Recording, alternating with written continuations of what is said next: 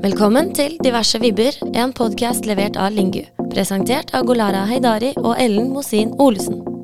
Vi skal snakke om innovasjon, vekst og det nye arbeidslivet, og hvordan mangfold bidrar til nettopp innovasjon og vekst. Yes, da er vi i gang. Er du klar for dagens gjest, Ellen? Jeg gleder meg til å høre dagens gjest. Og dagens gjest, han heter Simon Walker.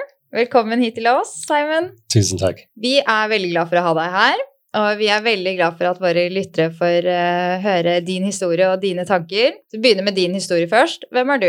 Jeg er fra Storbritannia og har bodd i Norge siden 2004. Jeg jobbet veldig mye med IT i bakgrunnen min, men begynte å jobbe i Norge i 2006 og jobbet for Det Norske Veritas og jobbet veldig mye med teknologi og IT-prosjekter, men beveget meg over inntil sånn competence management og collaboration, som det heter på yeah. godt, uh, godt, norsk. Jeg plutselig begynte å jobbe mye med, med sånn HR, og, og, begynte å finne ja, fant ut at jeg passet veldig bra i det miljøet, så beveget meg over inn til, til HR gjennom å være ansvarlig for alle IT-systemer i, i Veritas som var knyttet til HR. Og plutselig ble jeg HR-direktør til slutt i Houston i USA, som var veldig spennende. Men um, nå jobber jeg for uh, et selskap som heter ADAC, som er en, en scale-up, veldig spennende produkt som hjelper selskap til å forstå hvordan de er satt sammen. Så uh, det er masse IT og mennesker og en sånn visualization av hvordan et selskap ser ut. Ja. Og um, jeg trives så veldig godt der. Vi har uh, kontor i ja, fire land nå. Um, og jeg reiser til London i dag til å treffe så Det er det siste jeg har vært i New York og København også. Det blir, det blir første gang du reiser London ja. til London-kontoret? Ja. ja. men Så spennende. Jeg er jo litt fangirl av Ardoc. Jeg har jo fulgt med litt på reisen, og det er så gøy å se hvordan dere har vokst. Eh, mm. Så vi gjerne høre mer om Ardoc. Men tilbake til deg litt, fordi du gikk fra å være en person som eh, fortsatt er for så vidt veldig god på teknologi, du drev med teknologi, og så beveget deg fra teknologi til å jobbe med mennesker og kompetanse. Det er ikke vanlig reise å ta. Det er ikke alle som både er gode på teknologi og på folk. Teknologi har en så stor påvirkning på alt som vi har i livet. Um, og jeg, uh, jeg, tenker den må ha en liksom, people element oppi den, ellers blir det ikke så gøy å jobbe med. Hvilken rolle er det du har nå? Jeg er ansvarlig for People in Organization, som er uh, alt uh, knyttet til people processes i, uh, i um, Ardoc. Og for meg som er litt fangirl av Ardoc, så lurer jeg litt på hvordan eh, dere tenker og jobber med mangfold. Dere, har, dere har jo vokst enormt, så dere har jo fått mange nye mennesker om bord på veldig kort tid. Mm. Kunne du delt noe om det? Absolutt. Eh, jeg tenker med mangfold det er veldig lett å si at vi at Man må tenke på masse uh, forskjellige nivåer. Det går ikke an å si at vi, vi, vi er flinke på alt, fordi um, man kan ikke være flink på alt nesten uh, da det kommer til mangfold. Så vi har folk fra mange forskjellige land um, som jobber for, for, oss. Vi har snart 200 mennesker. Um, og vi var under 100 da jeg startet, 15 måneder siden, så uh, vi vokser veldig fort. Uh, men vi, vi, ser at den har vært en veldig smart måte til å uh, få inn folk, og smarte folk også. Um, fordi jeg tror den, det hjelper veldig at vi snakker engelsk på jobb, så det er veldig lett for folk til å komme fra hvor som helst og begynne å jobbe hos oss. fordi de fleste kan snakke engelsk. Mm. Så, um, så det er sånn en, en ting som vi vi har på jobb som hjelper oss til å få inn folk fra mange forskjellige land. Og selvsagt begynner det med rekruttering og, og ha prosesser som prøver å ta ut den unconscious bias som uh, veldig fort kommer mm. inn. Du prøver å ansette en person som ser ut som deg. Så vi, vi har teknikken for vi bruker et system som uh, første gang folk søker, ser du ikke navnet eller bildet. Ja. Den blir tatt ut av uh, en datamaskin, så alt blir skjult de får et navn som er en kombinasjon av farge og en dyr. Så det blir sånn, Har du sett på Blue Seashell? Uh, de ser spennende ut. Ja, ja, ja. Så du vet ikke egentlig hvem, hvem du ser på. Så interessant måte å jobbe på i rekrutteringsprosessen. Mm. Hva, hva, er erfaringene så langt med det? Det er litt sånn tosidig. På, på en måte det er veldig det er, det er, bra, fordi du, du, vet ikke hvem du ser på. Selvsagt kan man begynne å lese gjennom CV-en, og du ser hvor lenge de har vært um, når de var ferdig på universitet, hvor de studerte. Så du begynner å få litt sånn tips. Men jeg, jeg, tenker den første, første gang du ser på den, du får ikke den immediate effekten. Du um, Ja, den unconscious bias blir mm. litt borte. Så det er veldig bra. Men jeg har sett også at uh, det kan være at du sier nei til en person med en gang basert på det.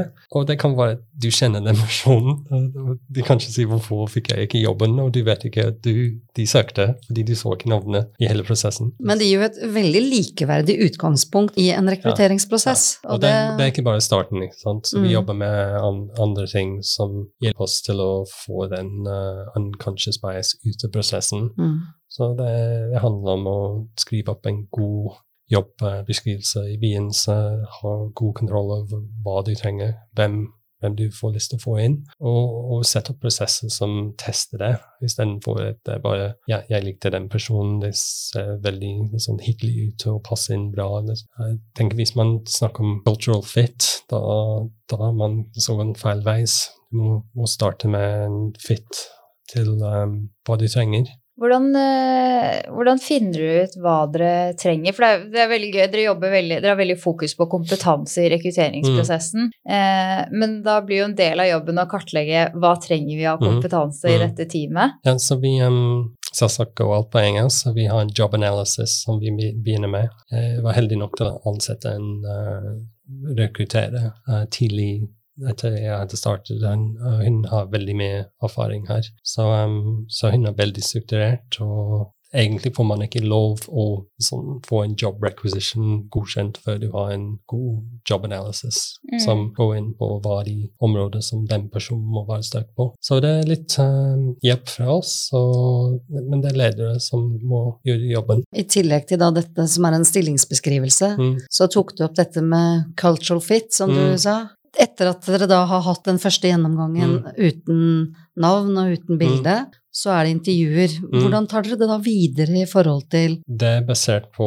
å ha en strukturert uh, intervjuprosess. Vi, vi, har en prosess som sier at uh, i første intervju skal man spørre samme spørsmål til alle, basert på den jobbanalysen som er satt opp, um, og på de områder. Så man blir enig om hva de spørsmålene er før man går inn til et intervju. Og jeg er veldig stor fan av liksom, case-intervjuer uh, mm. også, at du tester for de tingene ting som man vil um, uh, søke etter. Og til slutt har vi uh, liksom meet the team, som er mye mer Det er ikke cultural fit, men det er mer at den personen skal passe inn til teamet og fungere i teamet. Det da, um, og det er den siste. Ja, ikke sant. Er det da med utgangspunkt i det du sa om team i sted, hvor du nevnte dette at man er forskjellige mennesker i teamene, mm. og så tenker dere da hvordan vi skal da bygge et team, men dette må passe inn i, i bedriften, da? Ja, det kommer i den midte team også. Mm. Det er veldig mye um, men det kommer gjennom prosessen også. Men det er umulig å ta en conscious bias ut uh, 100% mener jeg.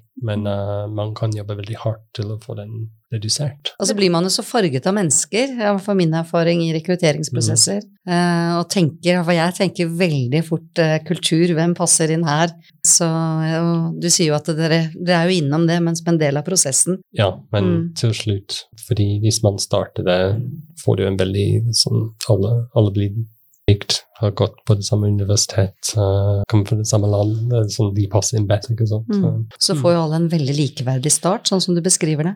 Det, det er hva vi prøver å gjøre. Mm. Det, det, er ikke alltid at man lykkes 100 men um, Så jeg har jobbet selv med inkluderende rekruttering i mange år. Mm. Eh, og det er derfor jeg spurte litt ekstra rundt denne rekrutteringsprosessen, for jeg syns utgangspunktet med et likeverdig utgangspunkt er kjempespennende, og, og, at noen tar det og virkelig setter det i system. Men så vet jeg også at for noe utenforskap så er det å ikke passe inn i systemene i forhold til inkludering eh, en utfordring. Bare det å gå inn på en rekrutteringsportal og legge inn, så kan man liksom egentlig diskvalifiseres allerede der. Ja. Så det var derfor jeg spurte litt mer om det i mm, sted, mm. fordi det er ikke alltid dette med mangfold og inkludering går inn i de systemene. Det er min erfaring. Du har snakket litt om kompetanse, eh, og vil jo si at du har internasjonal kompetanse. Du har kompetanse fra å jobbe i internasjonale selskaper. Hvis jeg skulle byttet jobb, da, eh, og så skulle jeg begynne å starte å jobbe i et internasjonalt selskap, mm. eh, det har ikke jeg gjort før. Hvilke råd ville du ha gitt til meg fra en leder til en annen?